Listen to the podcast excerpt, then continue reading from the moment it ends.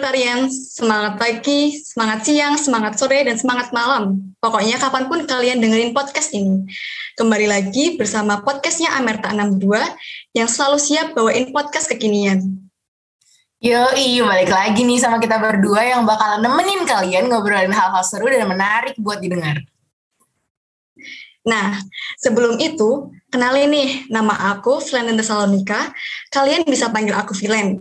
Dan di sini, aku tentunya nggak sendirian. Karena di sini, aku bakal ditemenin sama partnerku.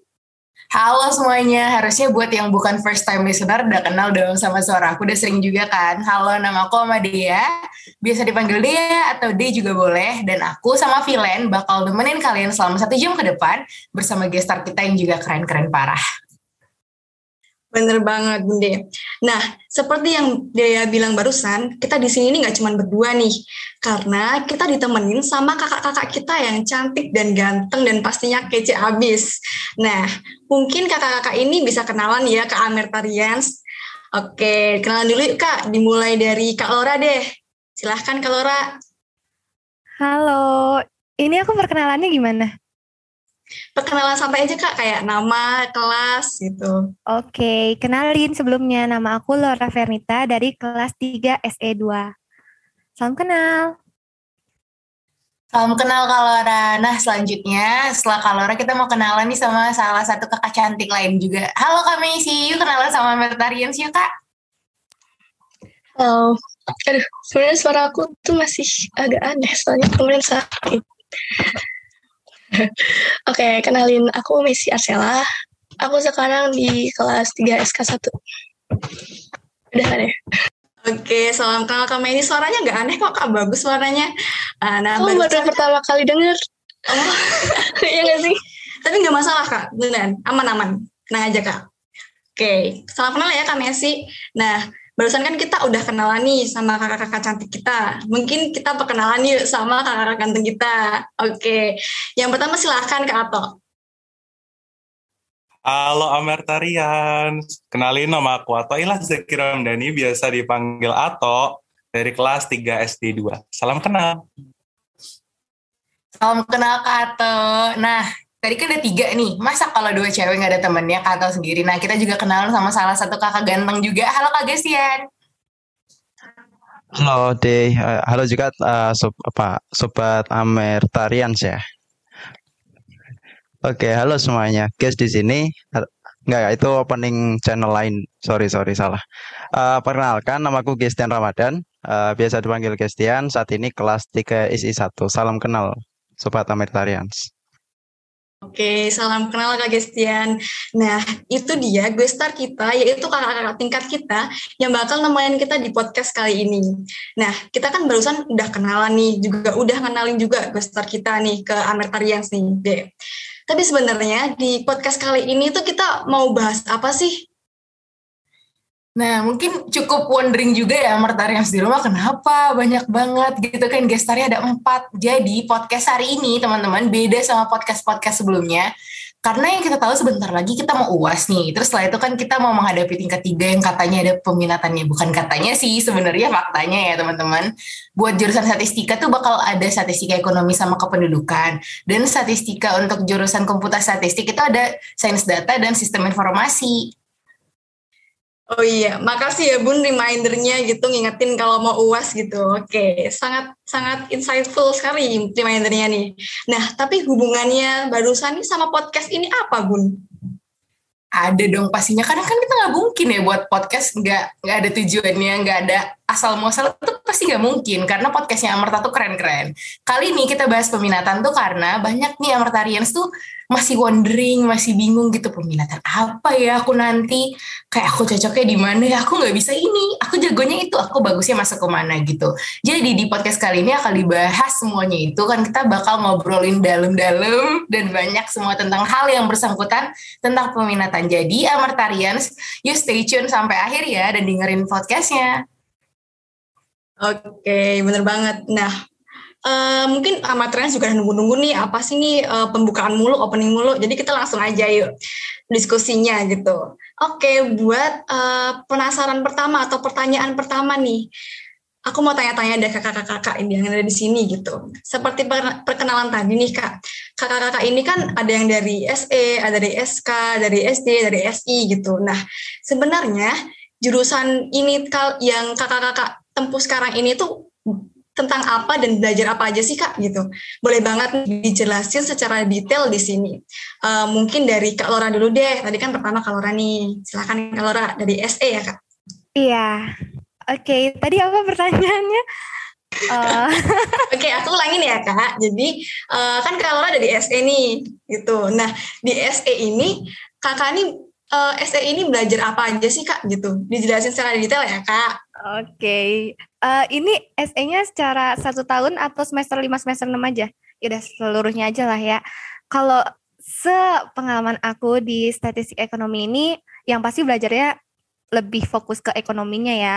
Dan di sini ada kayak ada matkul beberapa matkul yang beda sama SK.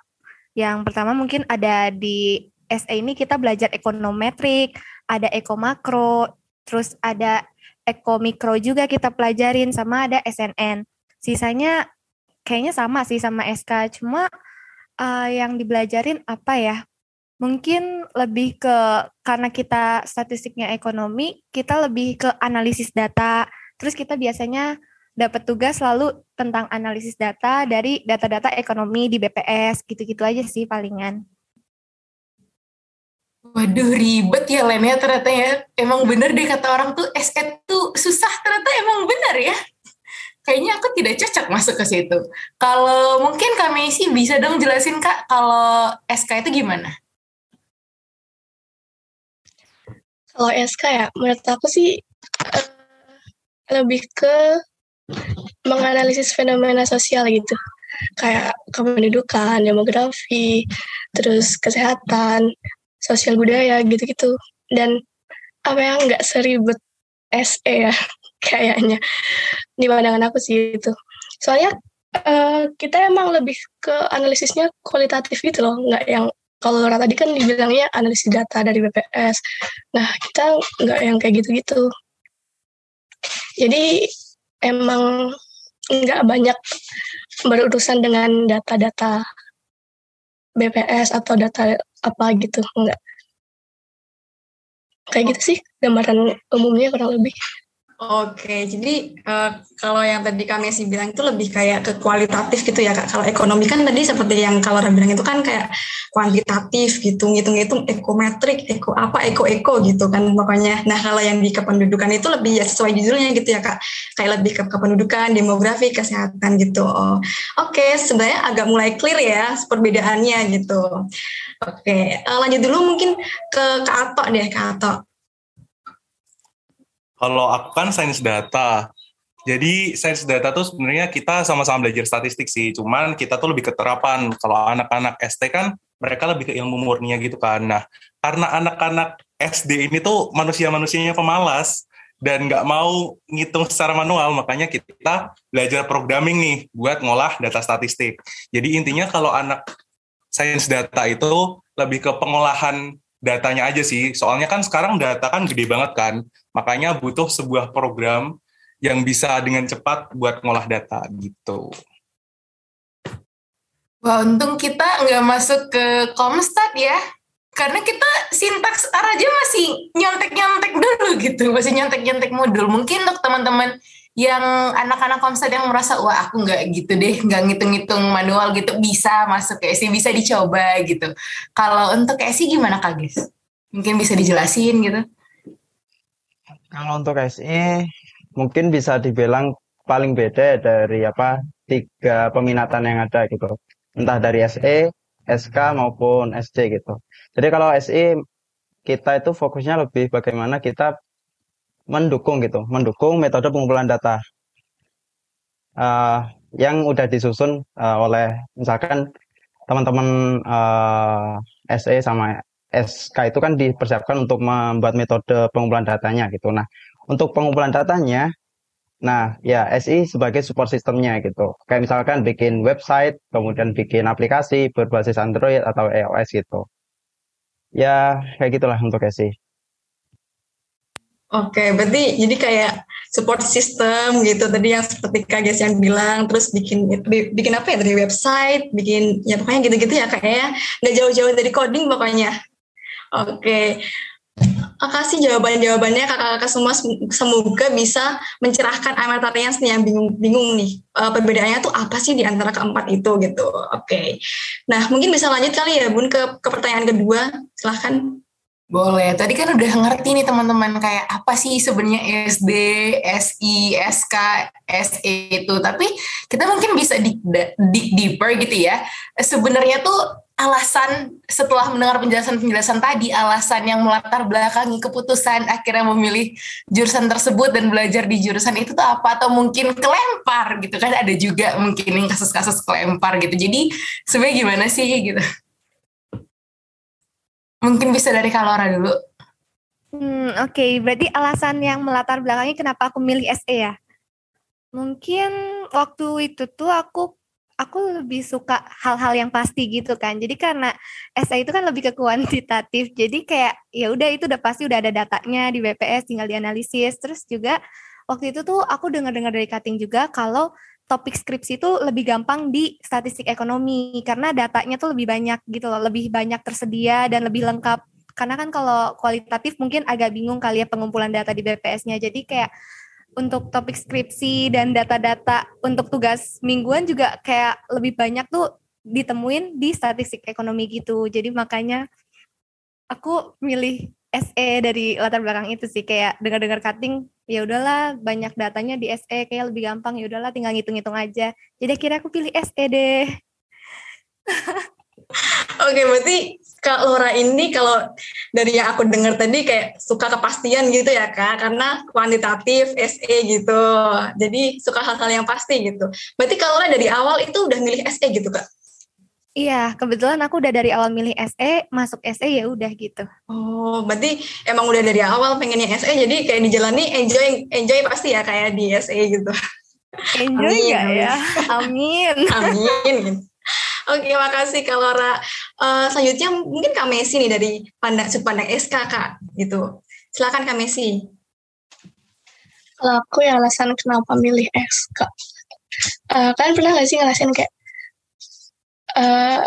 nggak uh, nggak suka banget sama sesuatu itu jadi kayak aku nggak suka aja gitu sama ekonomi. Jadi kayak aku tertariknya di sosial kependudukan gitu tanpa alasan.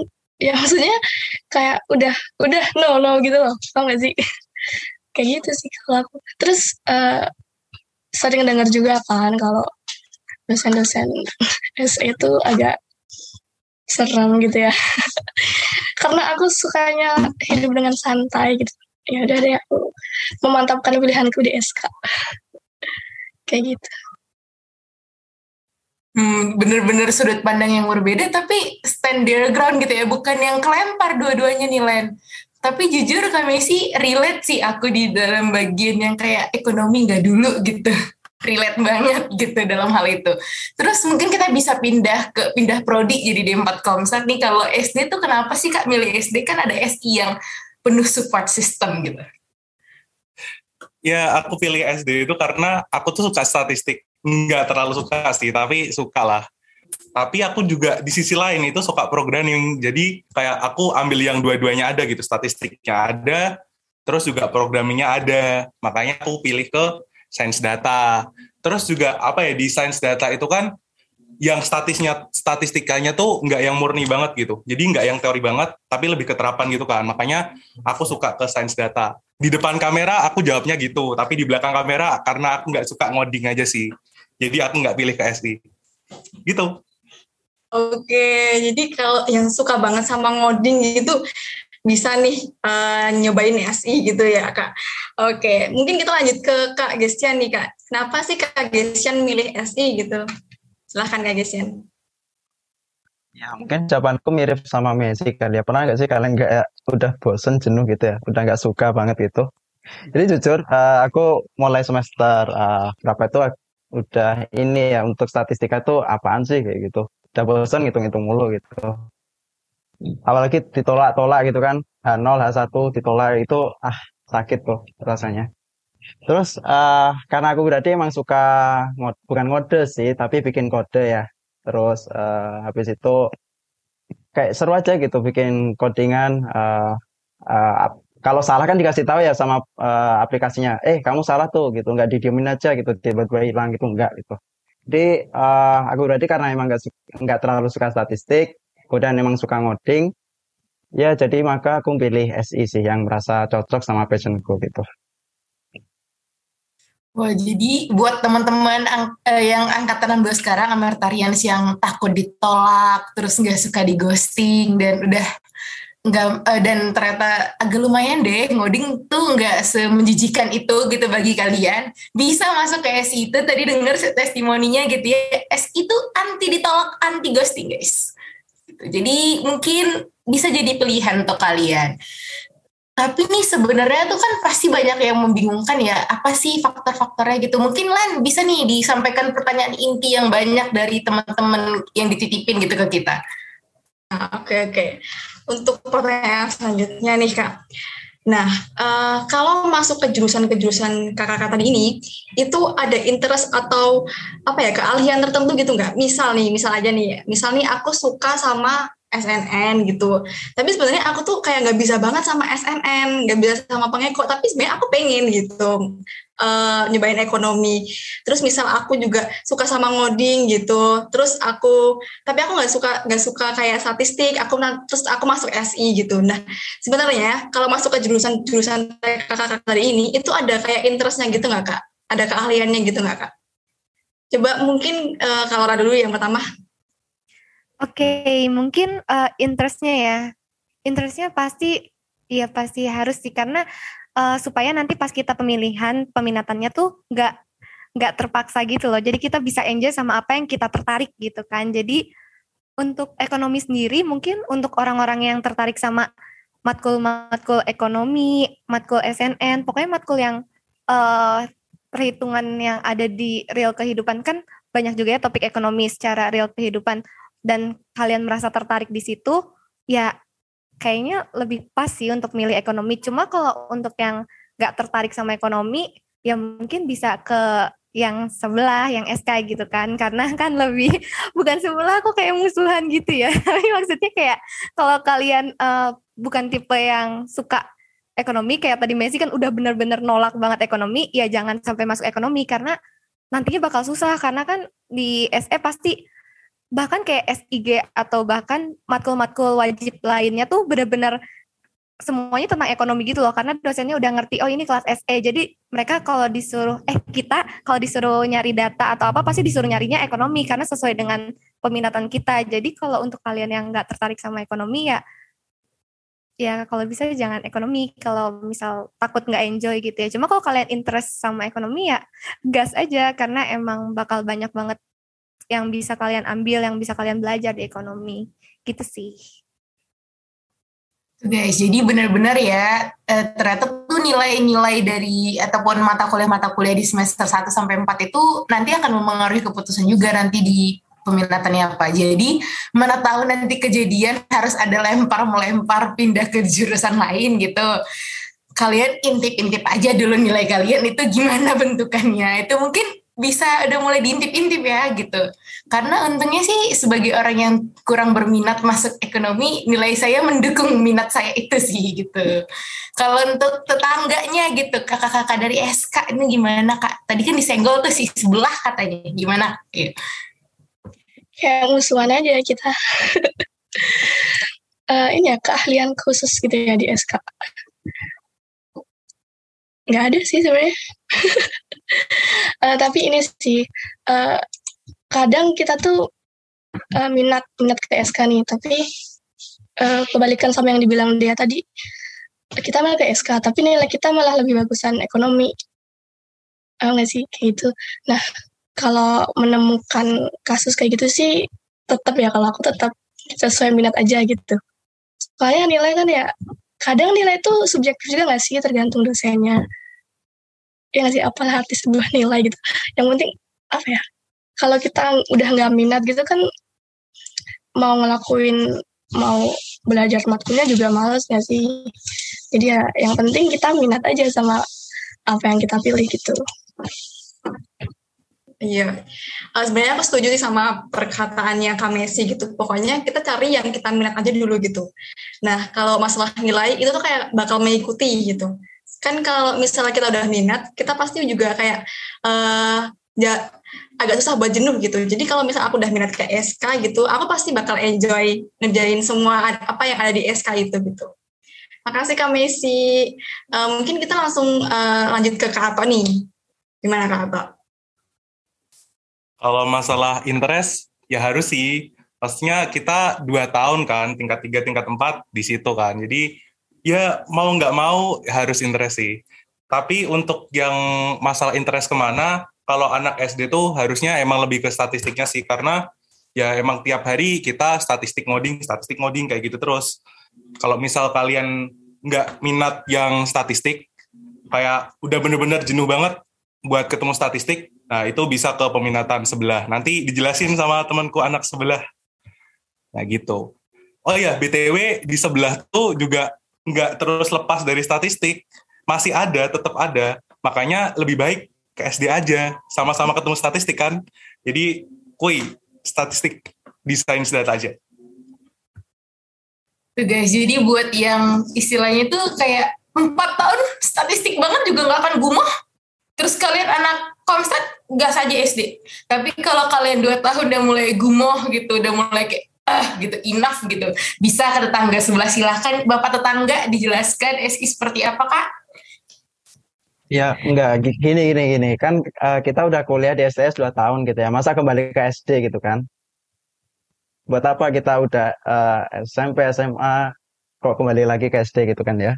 Ya jadi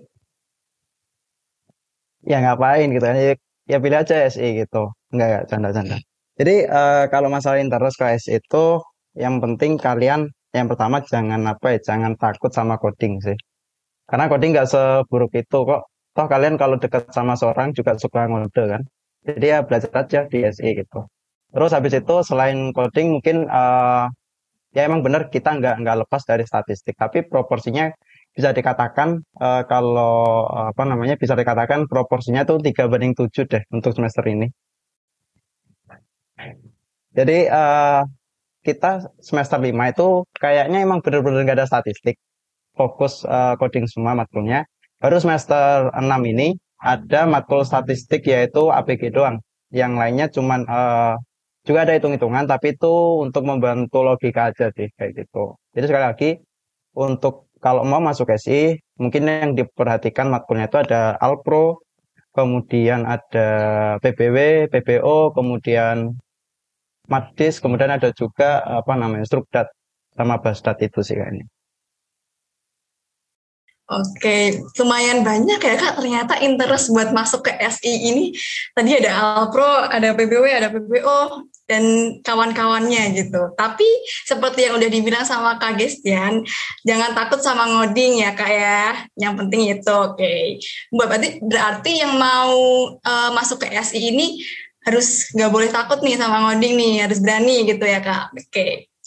Nah, pertanyaan selanjutnya nih, silahkan MD tadi kan udah kayak kampanye gitu kan ayo masuk SE masuk SK SD SI sudah men, sudah meninggikan jurusannya dibanding tetangga sebelah gitu tapi kan gak ada yang sempurna gitu ya kan kakak-kakak jadi sebenarnya itu apa sih plus minus atau benefit dan kerugian masuk ke jurusan masing-masing gitu supaya lebih realistis pikirannya gitu mungkin urutannya tetap aja dari Kalora dulu silahkan kak plus minus ya Oke, kalau dari SE sendiri apa ya plusnya? Plusnya apa ya? Plusnya untuk kalian yang enjoy sama ekonomi, terus plusnya topik skripsi gampang karena data-datanya banyak. Terus minusnya adalah dosennya sih.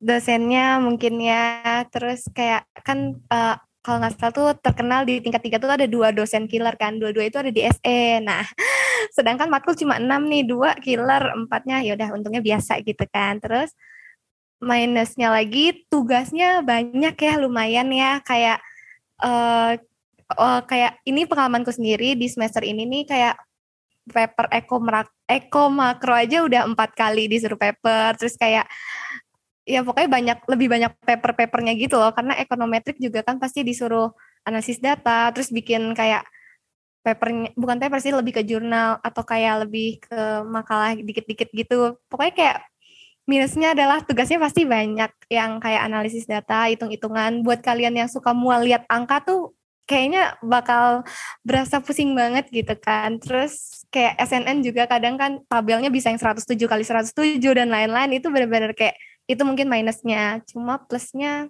ya plusnya bisa gampang cari topik skripsi sih. Itu aja sih plusnya apa lagi ya. aku pun bingung mikir plusnya apa cuma kayak ya kalau kalian enjoy di ekonomi ya pasti merasa itu lebih lebih apa ya lebih benefitnya lebih banyak lah kalau menurut kalian mungkin gitu sih tergantung interest kalian juga masing-masing jadinya mungkin itu Oke, okay, berarti uh, sebenarnya plus minusnya mungkin banyak ya, plusnya juga mungkin banyak. Cuman kalau orang belum nemu aja kali ya. Dan seperti yang kalau orang bilang kalau kalau misal udah minat sama SE pasti plusnya juga banyak gitu kan ya kak ya. Oke, okay. cuman emang harus tadi uh, kalau orang ngomong nih harus tahan banting sama tugas-tugasnya gitu kan, tugas-tugasnya lumayan banyak dan harus tahan lihat angka gitu kan ya kayak ya. karena banyak banyak banyak angka-angkanya gitu. Oke, okay. kita lanjut ke Kak Messi Kak silakan nih SK gimana Kak? Plus minusnya apa aja nih? Plus minus ya. Hmm, Oke, okay. ini berdasarkan personal experience ya. Uh, jadi kalau berdasarkan yang aku rasain uh, plusnya tuh santai gitu. Dari dosen terus matkul terus tugas santai pokoknya. Kayak anjay kita kuliah santai banget gitu.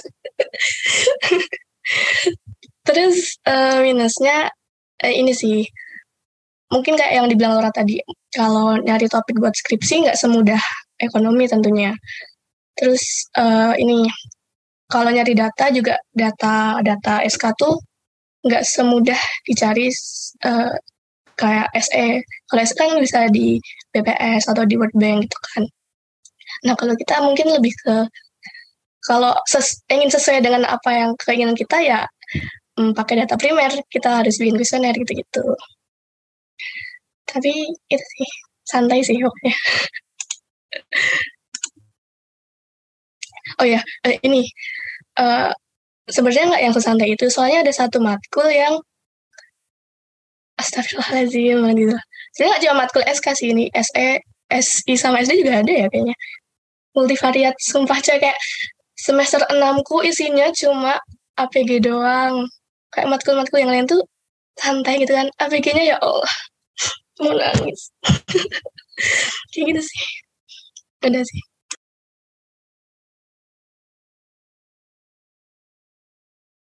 I see, ternyata bener-bener ya kayak kalau kata orang tuh kan dari kita masih ngisi data SSCSN doang nih kak. Itu udah dibilang kalau ngambil statistika tuh ambilnya S aja. SN ntar nggak tidur-tidur gitu. Nggak kelar-kelar tugasnya. Ternyata bener. Anak SK bilang coy kita santai banget kuliahnya. Sedangkan anak SC bilangnya tugas mulu gitu. Mungkin jadi buat anak-anak ST udah udah bisa dirancangkan, diluruskan niat hati, tujuan dan pikirannya gitu ya sebelum jalurnya tidak bisa mundur lagi gitu karena ini satu arah nih teman-teman gitu.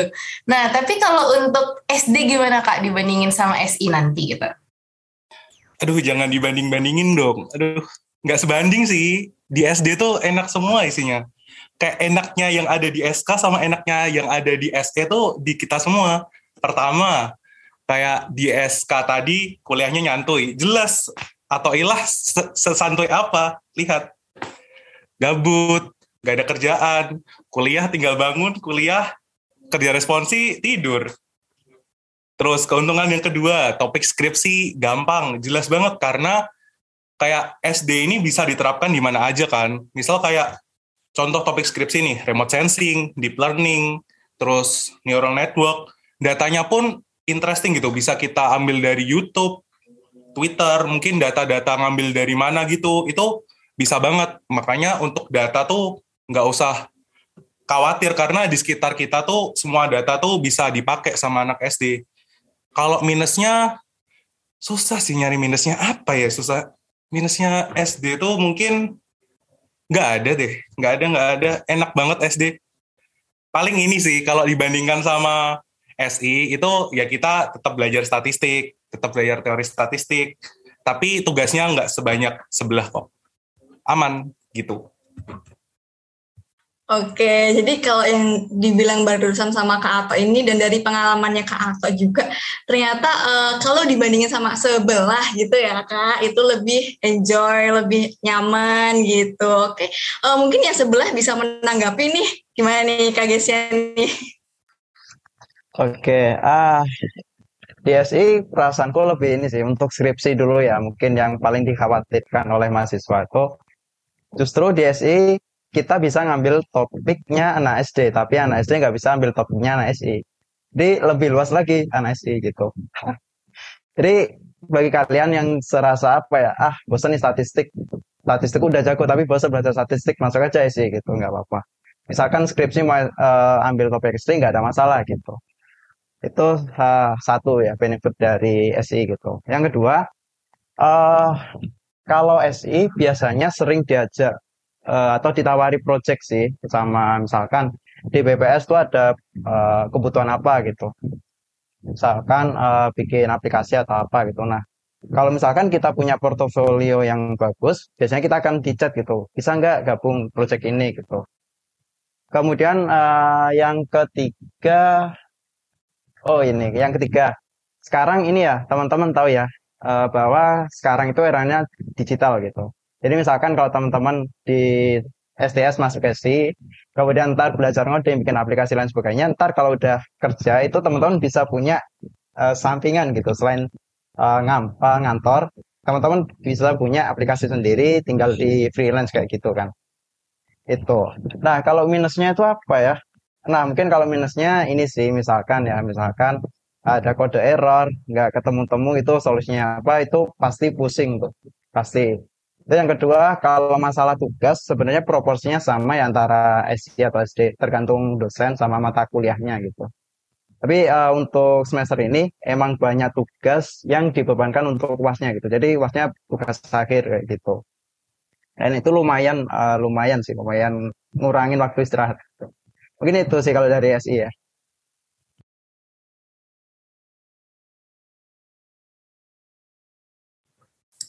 ternyata lumayan ya kalau kita lihat nih persaingannya antara SI dan SD itu lebih kenceng gitu daripada SI dan SK kayak lebih kayak benar-benar kampanye pilpres gitu. Kalau teman-teman bisa ngeliat ini live di kolom chat juga itu wah perdebatannya panas banget teman-teman. SI dan SD tuh wah gontok-gontokan deh di kolom chat. Atau antara Kak sama Kak Ato doang nih pribadi gitu. Soalnya SE dan SK nggak gitu-gitu banget ya Len ya. Iya sih Bun, ini kenapa malah jadi kampanye gini ya? Kita kan awalnya tadi kayak diskusi gitu ya, tapi jadi kampanye ini. Ayo adik-adik, ayo ke SI, ke SD, ke SE, ke SAK gitu.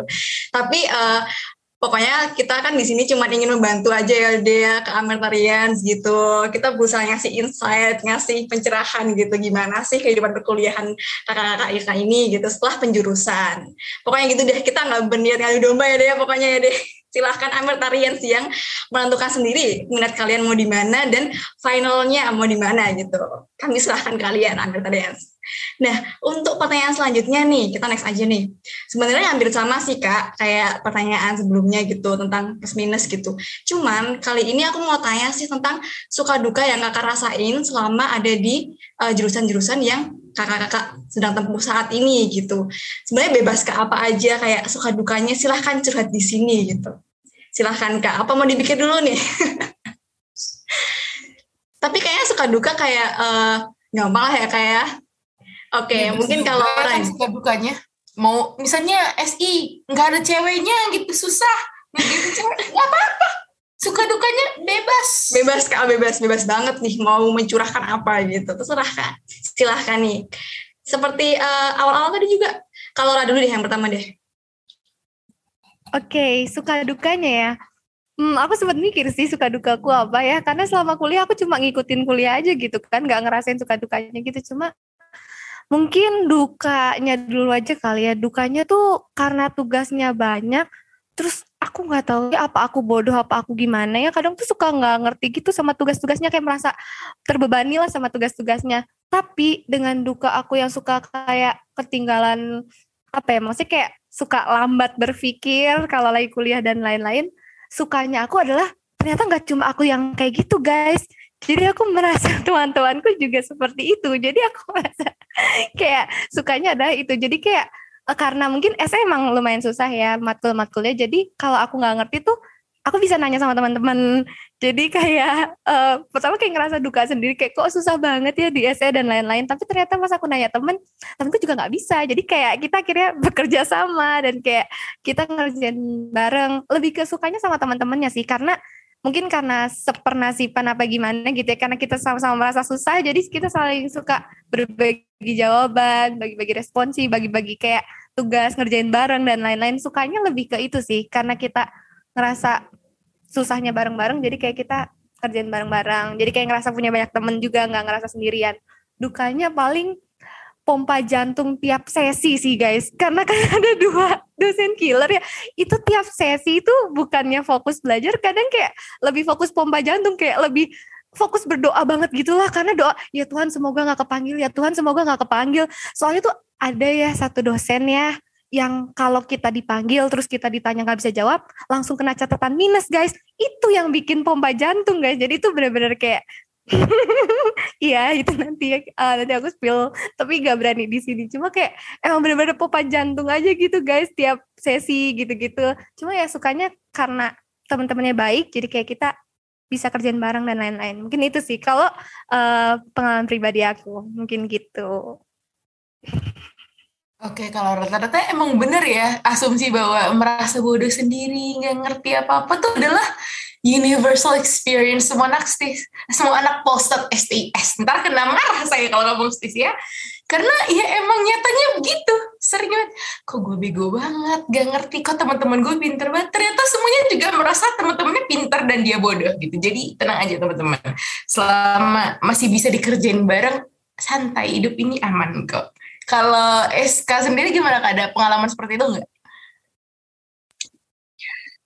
Kalau aku ya, hmm, sukanya benar-benar matkul aku tuh. Nggak gampang juga sih maksudnya kayak gimana sih? Kayak kamu nggak lihat kamu nggak ngedengerin uh, paparan dosen atau nggak ngeliat PPT aja bisa. Astagfirullah. tapi itu tadi uh, ada satu matkul yang ini sih kayaknya jadi dukanya sih. Satu matkul yang yang aku ceritain tadi loh yang setiap hari tuh eh, setiap hari setiap pertemuan tuh pasti ada tugas. Terus ditambah lagi kan materinya susah ya. Terus aku tuh kayak nggak ngerti-ngerti gitu. Ini apa ya gini? Apa sih?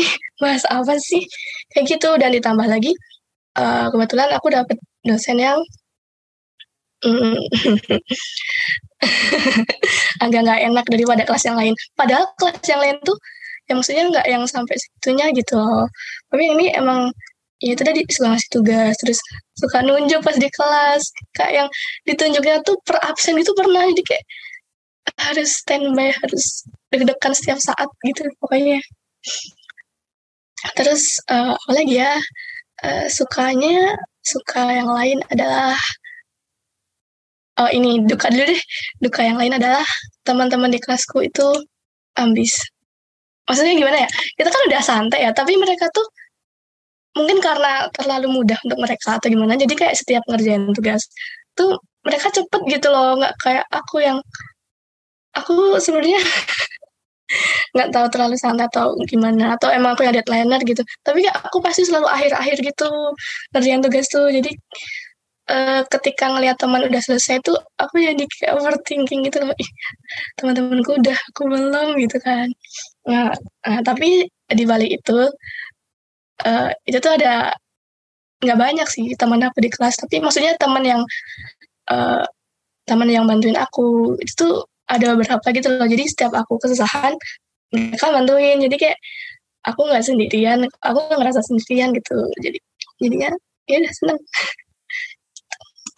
Terharu juga. Kadang kalau mungkin karena emang kegiatan aku di luar juga uh, lebih banyak dari yang lainnya. Jadi setiap aku belum ngerjain tugas tuh ada aja yang nanya, kamu udah belum? Maksudnya kalau kalau belum nih lihat punya aku gitu. Maksudnya bukan yang ngasih contekan tapi kayak ya buat referensi aja gitu.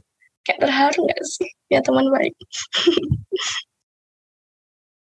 Oke, jadi uh, sebenarnya kalau dari yang aku dengar tadi dari Kak Messi gitu, sebenarnya plus minusnya itu lebih ke lingkungannya ya Kak. Kayak misal minusnya itu kayak tadi yang kalau sama Kak Messi bilang dari dosennya gitu, bukan dari pelajarannya. Emang sih tadi kalau bilang kayak pelajarannya emang agak memberatkan. Cuman kalau aku nge-highlight lagi perkataan kalau sama Kak Messi ini lebih uh, experience-nya mungkin ya Kak, lebih ke dosennya gitu. Mungkin dapat dosen yang agak nggak enak, agak nggak nyaman lah buat kita gitu. Tapi sebenarnya mungkin dosennya dosennya baik, niatnya baik. Kita pasti tahu dosennya niatnya baik ya teman-teman ya.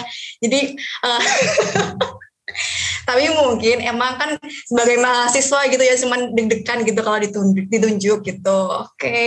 Uh, eh, terus tadi sebenarnya aku sempat penasaran sih Kak sama uh, matkul yang Messi itu ulang terus terus gitu kayak minusnya tuh semuanya minus di matkul itu tadi ada APG ya kak itu sebenarnya boleh diceritain lagi nggak sih kak sebenarnya itu matkul apa gitu ngerti matkul apa coba kamu tanya yang lain juga pasti kayak gitu.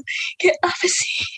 Itu kan multivariat ya jadi uh, banyak variabel gitu loh. Maksudnya analisnya juga nggak semudah yang udah kita pelajarin sebelum-sebelumnya di Mestat atau di di di mana sih. Itulah pokoknya APG nggak tahu speechless tuh kayak itu kayak itu analisis paling gaji bener. APG itu yang bener-bener abis sesi tuh ngangong gitu ya kayak sama dia abis apa abis mata kuliah yang ada, agak aneh gitu Hah? Hah? Hah? udah gitu doang udah jalanin lagi hari pokoknya responsif selesai gitu padahal nih ibunya kan udah baik ya niatnya ngasih tugas biar kita tuh latihan terus biar kita bisa tapi tetap aja nggak ngerti coy banget loh nggak siap banget berarti se sesusah itu kah? Kak sampai nggak bisa dideskripsiin gitu. Coba mungkin kak Laura kak Laura ada nggak APG aku juga. Ada. Ada APG nah, kalau kalau kak Laura bisa nggak kak mendeskripsikan APG ini apa gitu? Jujur ya aku juga selalu bingung APG belajar apa. Karena emang se sengangong itu loh kayak apa ya emang matkul tersulit sih menurutku. Karena pas UTS ke mana aja bener-bener yang ngangong gitu loh kayak ah ini apa ini apa? Bener-bener yang kayak aduh kayak tingkat kesulitannya tuh bener-bener di atas gitu deh. Kayak orang-orang yang bisa matkul itu sama yang nggak bisa tuh lebih banyak yang nggak bisa deh kayaknya aku yakin deh. Soalnya itu bener-bener susah apalagi APG di aku tuh di SE itu dapat dosennya dosen yang killer yang tadi aku bilang. Jadi kayak aku makin ngangong guys. Jadi kayak hah, apa nih? kayak gitu. Jadi kayak emang susah sih emang APG. Emang. Oke, jadi ternyata dari kami sih sama Kak sama-sama nggak bisa dideskripsiin gitu ya kak. Aduh, ini kenapa jadi aku yang takut nih ketemu sama APG gitu. Aduh, oke, tapi nggak boleh nggak boleh nggak boleh takut nggak boleh takut karena gitu ya nggak tahu besok ketemunya gimana. Tapi kita lihat ke depan aja lah. Yang penting positif thinking dulu aja. Uas dulu aja kali ya deh ya dipikirin ya nggak usah buru-buru mikirin APG uas dulu aja kali dipikirin oke. Okay. oke okay, kita mungkin lanjut aja dulu deh ke Kak Tony gimana nih Kak? Uh, apa sih tadi pertanyaannya? Aku jadi lupa sendiri. Aku jadi lupa. Aku pun nanya tadi itu pertanyaannya apa ya? Oh iya suka duka loh Iya, buat buat masalah apa gitu, apalagi anak KS kan, anak ST yang statistik banget aja nggak bisa, apalagi anak KS gitu, suruh dikasih APG pula, dikasih ngoding, bayangin udah APG ngoding nih, pakai R, bikin sintak, aduh, puyeng banget, beneran APG itu beban tingkat tiga sih, eh semester 6, semester 6, itu gila susah banget multivariat tuh, pusing, pusing, pusing. Harusnya kalian tuh undangnya anak-anak yang ambis, yang pintar, jadi bisa menjelaskan APG. Kalau perlu tiga sesi nih ngejelasin APG. Salah, salah sampel kalian tuh. Oh ya, BTW masalah suka duka di science data ya. Kalau sukanya sih karena nyantai ya. Pertama nyantai. Nggak sebanyak proyeknya tuh nggak banyak. Tapi sekali proyek tuh bisa kayak bikinnya berhari-hari gitu. Misal kayak proyek UAS gini kan. Itu banyak banyak matkul yang emang ada proyeknya kayak visdat, visualisasi data, simulasi data itu proyeknya tuh ngoding tapi dalam satu waktu gitu buat proyek UAS semua dan kayak kita dua eh seminggu tuh literally ngerjain proyek-proyek-proyek dan itu numpuk-numpuk. Nah itu pusingnya di SD kayak gitu sih. Itu masuk ke dukanya juga sih. Terus sukanya tuh apalagi ya? Oh iya ini anak SD tuh ceweknya lebih banyak daripada anak SI. Jadi kalau kalian cari cewek-cewek dan kalian anak KS, daftarlah ke Sains Data men, jangan ke SI. Ke SI itu aduh gersang gersang kayak Sains Data aja pokoknya. Terus apa lagi ya sukanya? Yang yang paling kelihatan tuh emang nyantai sih, kuliahnya nyantai. Terus menurutku karena aku interest ke statistik dikit dan nggak terlalu yang ngoding proyek banget, maksudnya kayak web dan lain-lain gitu. Jadi aku suka karena matkulnya tuh kayak visualisasi data, kita kan bisa buat belajar bikin infografis juga dan lain-lain gitu. Terus kayak ada simulasi data, pokoknya semua yang berkaitan sama data tuh kita pelajarin banget gitu. Itu sih suka sama dukanya. Tapi banyak sukanya kok. Dukanya cuman proyek di UAS sama UTS doang kayaknya tuh SD tuh sempurna banget ya. Banyak ceweknya perfect banget. Aduh terus nggak ada minusnya sebenarnya. cari-cari aja aku tadi tuh minus tuh. Sampai harus dicari dibongkar-bongkar dulu. Itu pun cuma satu dapetnya. Cuman apakah bener kayak gitu? Soalnya kalau misalnya tadi kan alasannya juga karena suka statistik dikit gitu ya makanya ngambil SD kalau nggak ada inter sama sekali kayaknya harus pindah kampus sih kak soalnya. Namanya juga Polsel SIS gitu kan. Harus ada statistiknya gimana pun. Tapi kalau jurusan sebelah gitu SI jangan mau kalah kak. Kalau diajak kampanye dilawan. Masa dibilang gersang? Ayo kak balas kak. Oke, kalau uh, nyari cewek mau ke SD, kalau nyari cowok berarti ke SI dong. Ya, gitu aja sih logika sederhananya gitu. Jadi uh, kalau kalian mau bermain logika ya masuk ke SI gitu. Nah, uh, nggak canda canda guys, canda canda, seriusin ya. Uh, suka duka di SI ya. Kalau masalah suka mungkin bagi Amartarians yang suka take home pas banget nih masuk ke SI gitu. Karena banyak uas uh, uas apa namanya uas uh, apa namanya uas eh uas ujian dari SI itu kebanyakan take home gitu. Jadi ketika sesinya tinggal numpuk habis itu tidur. Kalau mau upload meme ya silahkan upload meme gitu. Nyindir tetangga gitu kan ya. Nah uh, itu yang pertama. Terus yang kedua uh, oh ya rentang pro projectnya juga beda gitu kalau yang dikatakan atau tadi di SD itu kan rentangnya pendek ya untuk projectnya. Tapi kalau di S itu biasanya panjang gitu. Jadi misalkan nih UTS ya, UTS. Untuk tugas wasnya itu diberikan di awal. Di awal pertemuan pertama. Jadi kita ngerjainnya udah ada waktu tujuh minggu. Kurang enak gimana tuh? Ya kan? Terus habis itu apalagi ya? Kalau sukanya sih ya karena misalkan karena aku suka ngoding, jadi tiap hari punya waktu buat berduaan sama laptop uh, ngode-ngode kayak gitu. Terus uh, ya seneng aja gitu explore coding kayak itu dibandingkan harus uh, ngitung. Ntar kalau nggak ketemu bingung sendiri cari referensi susah. Uh, terus kalau dukanya dukanya mungkin uh, ini juga sih. Misalkan uh, lagi ngod ngoding kayak gitu terus nggak nggak ketemu ketemu nih masalahnya di mana gitu. Udah mau jalan tapi outputnya nggak sesuai. Nah itu pusing banget sih. Susah susah.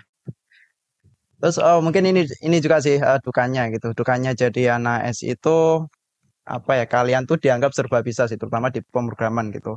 Jadi misalkan kita diminta jadi project ya misal uh, buat bikin aplikasi gitu di PKL misalkan. Terus uh, permintaan dari stakeholdernya itu tinggi banget requirementnya. Misalkan harus bisa gini gini gini gini gitu. Dengan waktu yang singkat banget. Nah itu sih dukanya salah satunya Oke, mungkin itu aja untuk SI kali ya. Oke, tadi Kak Gesian bilang itu aja suka dukanya, tapi tapi tadi banyak banget loh Kak. Mungkin tadi dari take home-nya gitu, yang sebenarnya aku pun juga nggak tahu take home itu sebenarnya ujiannya ya, ujian take home itu sebenarnya suka atau duka. Karena menurut, menurut Kak Gesian itu kan suka ya tadi, tapi menurut aku sendiri pribadi gitu duka buat aku Kak. tapi nggak apa-apa kalau Kak Gesian. Menurut Kak Gesian itu sebuah kesukaan gitu, oke nggak apa-apa. Terus tadi juga ada minusnya juga uh, harus uh, bikin apa sih tadi ekspektasinya harus ketinggian gitu sama orang-orang gitu ya kak ya. Nah pokoknya intinya uh, dari keempat kakak-kakak tadi ini yang udah ngobrol-ngobrol bareng kita itu kan kayak ada plus minusnya tersendiri lah intinya kayak di mana pun kita besok mau di SE, SK, SD, SI kan pasti ada plus minusnya nih. Tinggal amaternya pengen ke mana gitu sesuai minat minat kalian gitu. Oke, okay. uh, eh, kita tadi udah ngobrol-ngobrol banyak nih ya. Ternyata kita udah masuk ke last question nih. Silahkan nih dia nih. Nah untuk last questionnya nih Kak, tadi mungkin udah mulai disinggung-singgung juga ya tadi di kolom chat teman-teman gak bisa lihat, cuman tadi Kak tuh udah bilang pekerjaan paling dicari sekarang apa? Paling profitable apa? Science data gitu. Tadi dia sombongnya begitu guys.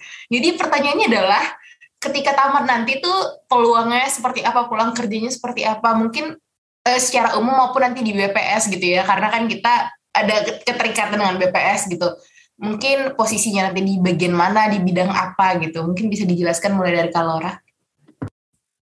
Oke, okay, uh, eh, ini mungkin uh, berarti prospek di BPS-nya ya. Setahu sih kalau SE sama SK kan gak beda jauh ya sama-sama statistik.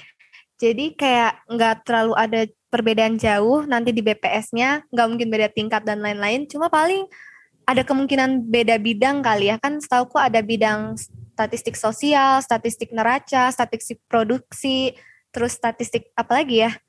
Ada apa sih pokoknya itulah statistik distribusi jasa. Mungkin kalau SE mungkin masuk ke neraca kali ya. Sebenarnya aku juga kurang tahu, cuma tahu aku paling cuma beda di bidang aja sih cuma nggak nggak mempengaruhi ke prospek pekerjaan dan lain-lain karena kan kita sama-sama di BPS ya lulusannya juga sama-sama D4 terus kita sama-sama SK juga nggak terlalu jauh. Jadi paling cuma beda di deputi bidangnya aja sih setauku. Mungkin itu. Oke, berarti tetap di BPS gitu ya kak, walaupun uh, tetap di BPS, cuman beda bidang gitu. Oke, kalau dari Kamesi gitu, gitu gimana kak? KMS ada kayak satu sendiri nggak kalau misal SK itu nanti uh, spesialisasinya ini apa gitu. Silahkan sih aku kurang lebih juga sama sih kayak Laura ya. Soalnya orientasi aku itu nantinya kita uh, ke BPS gitu ya. Nah tapi sebenarnya uh, apa peminatan kita sekarang itu nggak yang menentukan kita besok bakal bakal ditempatin di bidang apa gitu. Maksudnya nggak nggak nggak tergantung itu gitu. Jadi bisa aja aku kan SK nih bisa aja aku bisa di statistik produksi gitu nggak nggak tentu di statistik sosial gitu. Gitu sih. Guys jadi apa pun kelebihan misalnya jurusannya itu enak judul skripsinya.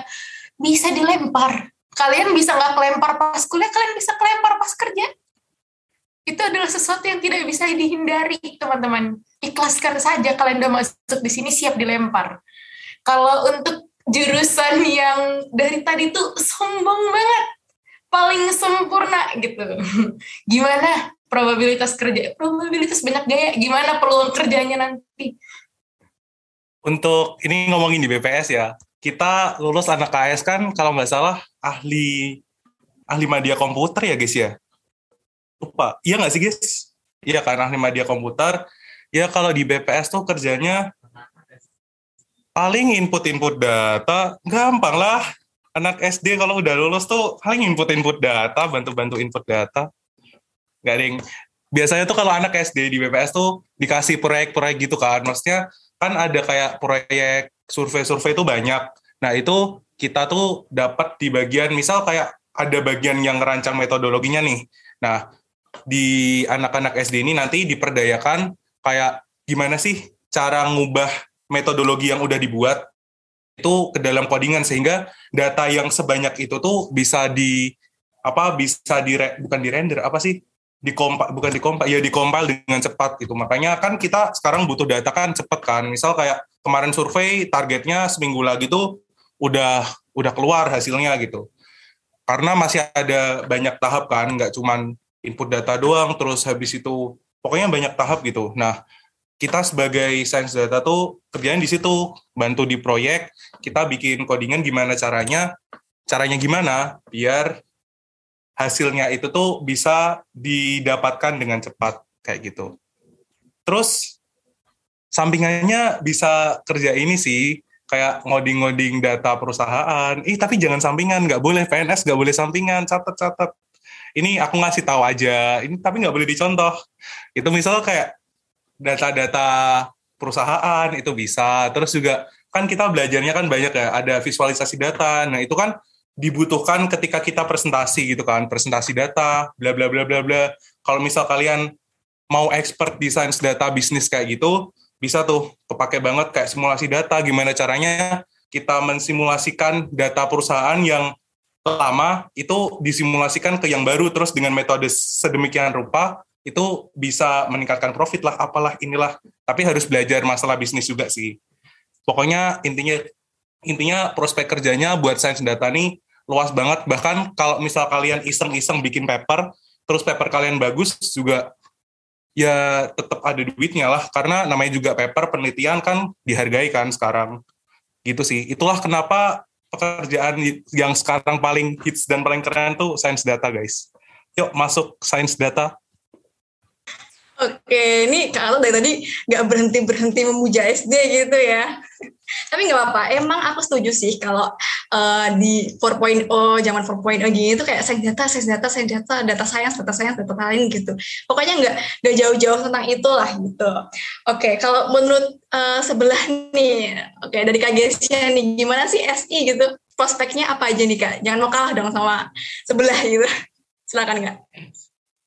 Oke, kalau uh, yang disampaikan Nato tadi kan luas banget ya. Mungkin aku akan bahas uh, spesifik aja gitu. Jadi secara umum untuk penempatan dulu deh, penempatan di SDS itu sebenarnya yang uh, benar-benar inti ya.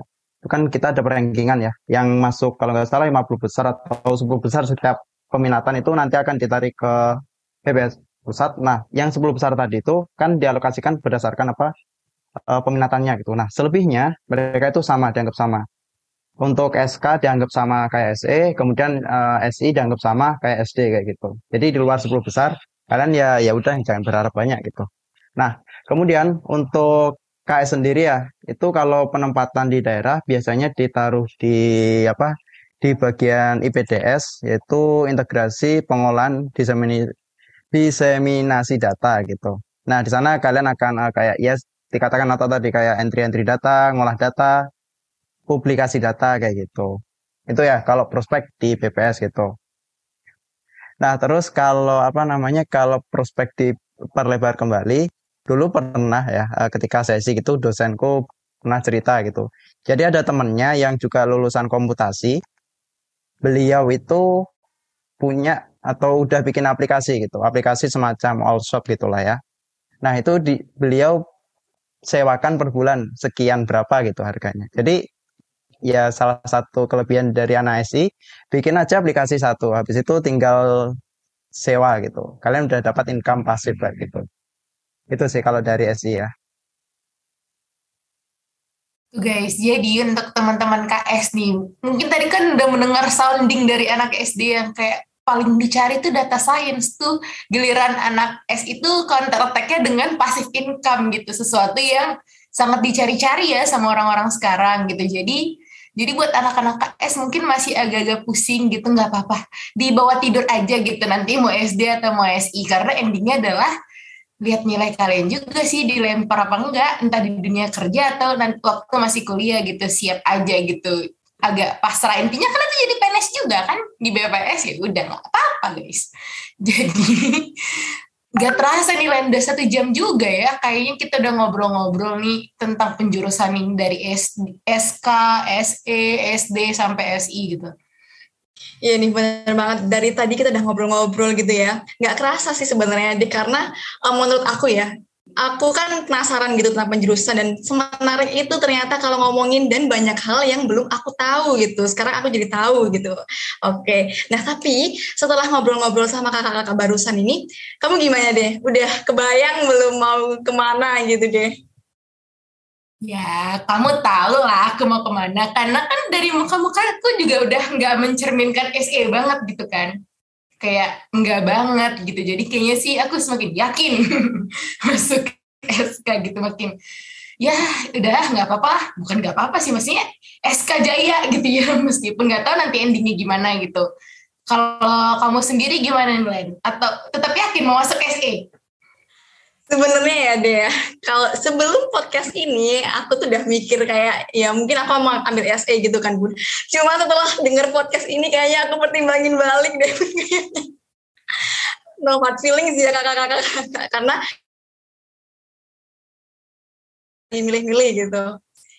Tapi ya, mungkin aku nanti pikirin lagi deh mau ke mana. Karena kan sesuai sesuai minat gitu ya. Oke, gitu sih Bun, kalau aku. It's okay sih Len kalau masih kayak masih mempertimbangkan. Ini kan juga masih masa-masa labil ya. Sebelum uas tuh kayak uas aja belum dijalani udah mikir mau jurusan apa gitu kan. Wajar itu semua wajar mikirin mau ngambil di mana nanti. Cuman yang jelas kita pasti berharap lewat podcast episode ke-9 hari ini lewat obrolan-obrolan seru hari ini juga Amartarians di rumah bisa terbantu dalam menentukan penjurusan nanti setelah uas gitu. Iya benar banget. Nah jadi aku mewakili teman-teman Amertarians ingin berterima kasih juga nih sama kakak-kakak yang udah ngasih pencerahan ke kami, ngasih insight ke kami, ngasih cerita-cerita seru ke kami.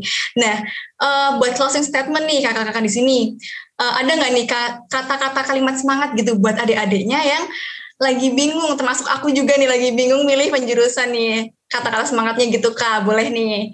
Mungkin dari Kalora dulu, gimana kak? Um, kata-kata semangat apa ya? Um, Oke okay lah. Untuk yang kalian, untuk kalian yang suka hal pasti, ya masuk SE dan menurutku untuk kalian yang takut masuk SE jangan takut karena kalian nggak mungkin sendirian. Kalian pasti punya teman, kalian punya uh, dosen yang bisa kalian tanyain. Yang pasti selama kalian enjoy dan kalian mau belajar, kalian pasti bisa kok. Tenang, aman. Semangat semuanya. Nike. Semangat buat yang mau masuk SE karena nggak sendiri dan penuh kepastian banget ya SE itu ya.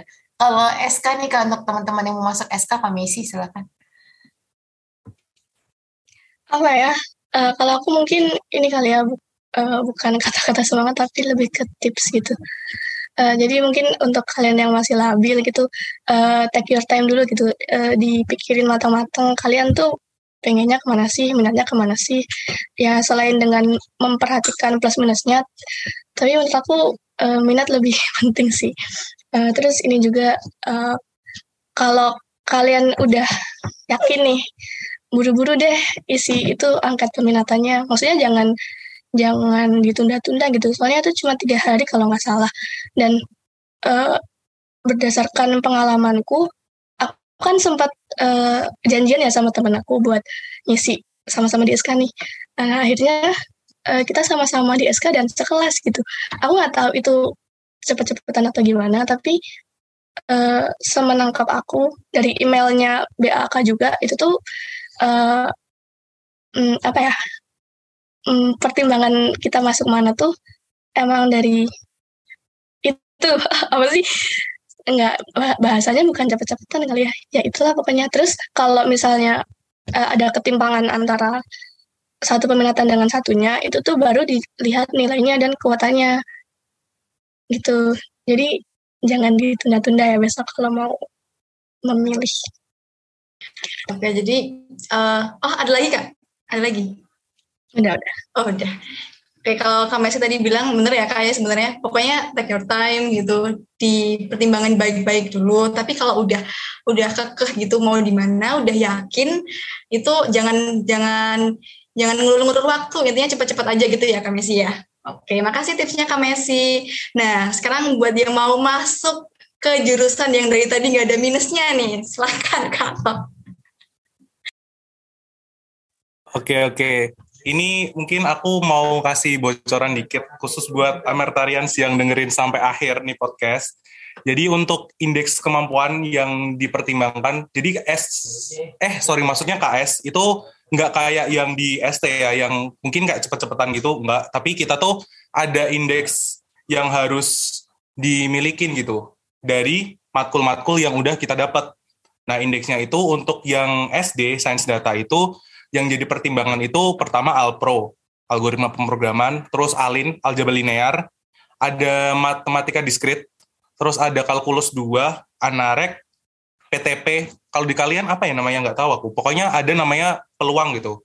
PTP, habis itu analisis data eksploratif, sama satunya tuh Medstat. Pokoknya kalau kalian ngerasa nilai-nilai kalian cukup tinggi di sana, ya kalian pasti masuk SD lah itu. Tapi kalau misal kalian uh, tingginya di matkul-matkul di SI, kayak tadi yang udah disebutkan Gestian juga di awal, kayak PBW, basis data, terus PBO, habis itu Alpro, SIG, SIG itu sistem informasi geografis, Matdis, Strukdat, pokoknya matkul-matkul yang SI banget, itu ya mungkin kalian emang bakat di SI dan jangan jangan coba-coba masuk SD deh karena kalian ini dua tahun gitu. Karena tadi aku udah promosi SD kayaknya aku sekarang mau netral. Jadi ini kan dua tahun ya, ini menentukan kehidupan kalian dua tahun ke depan, tingkat tiga, tingkat empat, apalagi sampai skripsi kan.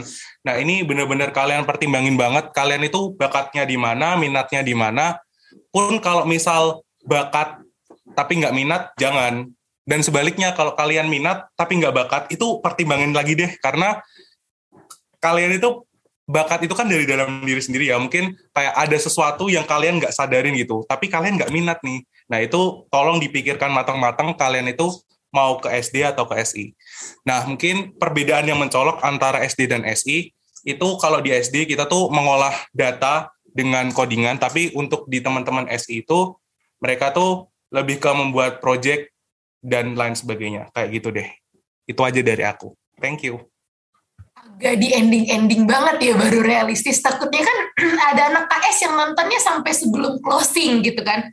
Oh SD sempurna banget gue bakal ngambil SD ternyata realistisnya di akhir gitu. Jadi kayak agak kasihan gitu buat yang nggak nonton sampai akhir. Jadi buat teman-teman yang nonton sampai akhir tuh selamat udah dapet tuh realistisnya gitu gimana dari kata yang tadi promosinya keindah banget gitu ya. Mungkin kita bisa lanjut ke SI nih Kak. Gimana Kak? Oke, uh, mungkin udah dirangkum semua ya sama Ato tadi gitu ya. Terus kalau semangat kayaknya kalau aku semangatin kalian juga nggak semangat. Jadi mungkin uh, kita realistis aja lah ya. Jadi uh, intinya emang benar dikatakan Ato bahwa kalau kita milih peminatan tuh kita harus siap selama dua tahun gitu ya. Dua tahun kita akan uh, berkecimpung di situ, matkul-matkulnya kayak gitu. Nah, mungkin uh, yang mungkin bisa jadi pertimbangan banget gitu adalah yang penting kalian bisa lulus gitu kan, bisa lulus tanpa terkendala gitu. Nah, uh, salah satu indikator supaya kalian bisa lulus apa? Salah satunya skripsi gitu. Nah, mungkin kalian uh, bisa jadikan pertimbangan gitu, tanya-tanya cutting yang uh, misalkan dari jurusan SD, dari jurusan SI, gimana Kak uh, testimoninya untuk uh, apa? Untuk skripsinya gitu misalkan dari SD kayak gini gini gini gitu. Kalau dari SI kayak gini gini gitu. Nah kalian bisa pertimbangan nih ternyata uh, dari sekian topik dari SD sekian topik dari SI kira-kira oh ternyata ada satu topik nih yang cocok buat aku gitu. Ya meskipun uh, terkadang agak ini agak minder masalah matkulnya atau agak bosan atau uh, lain sebagainya gitulah ya. Nah tapi kalau menurutku pribadi uh, kenapa kita harus orientasinya ke tugas akhir? Karena buat apa kita misalkan nyaman di suatu jurusan tapi kita nggak bisa bisa menyelesaikan tugas akhirnya gitu kan ya. Atau misalkan kita jalan bareng tapi akhirnya nggak bisa jadian kan ya guys sedih ya. Jadi itu sih kalau dari aku ya. Jadi sekali lagi bisa tanya-tanya cutting yang udah skripsian atau udah lulus kira-kira topik skripsinya gimana buat pertimbangan akhir itu kan tadi kalau atau um, bahas masalah minat dan bakat ya. Tapi kalau aku lebih ke cara pikirnya aja sih gimana kalian untuk menghadapinya. Oke itu aja sih. Makasih Oke, makasih juga Kak Gesian gitu. Udah realistis ya dia, udah mulai realistis nih, udah nggak pakai bumbu-bumbu, bumbu plus minusnya tadi lagi ya. Mantep-mantep banget sih pokoknya motivation words-nya sama makasih juga tips and triknya dari kakak-kakak kita ini. Nah, dari tadi ini kita udah ngobrol panjang lebar nih tentang penjurusan. Dan sekali lagi pokoknya aku makasih buat kakak-kakak di sini yang cantik, ganteng, kece, parah. Pokoknya buat ngeluangin waktunya, buat nyempetin waktunya ngobrol-ngobrol sama kita sama Ametarian buat tentang penjurusan ini nih. Nah, eh, itu aja sih dari aku. Buat dia mungkin ada closing statement? Mungkin lebih ke arah ngerangkum aja kali intinya untuk teman-teman Amertarians yang misalnya udah mulai galau nih mau mau ngambil ke jurusan yang mana peminatan yang seperti apa intinya sih selesain dulu aja uasnya gitu. Itu yang pertama. Karena nggak bisa juga udah kalian bawa doa pun kalau uasnya remet ya nggak bisa juga gitu. Jadi uasnya diselesain dulu. Terus nanti kalau masalah ngambil penjurusannya itu uh, jangan pikirin faktor eksternalnya jadi faktor utama dulu. Balik lagi ke diri sendiri aja. Kalian minatnya gimana ngertinya di mana karena ya dua tahun yang mau dijalanin teman-teman gitu. Bukan dua bulan bukan dua minggu dua tahun gitu. Jadi itu aja sih. Dan tetap aja seperti yang aku bilang dari awal harus realistis siap kelempar gitu. Karena nggak ada yang sempurna di dunia ini. Itu aja sih kalau dari aku. Jadi sekian dari aku dan partnerku. Nilen see you on the next podcast teman-teman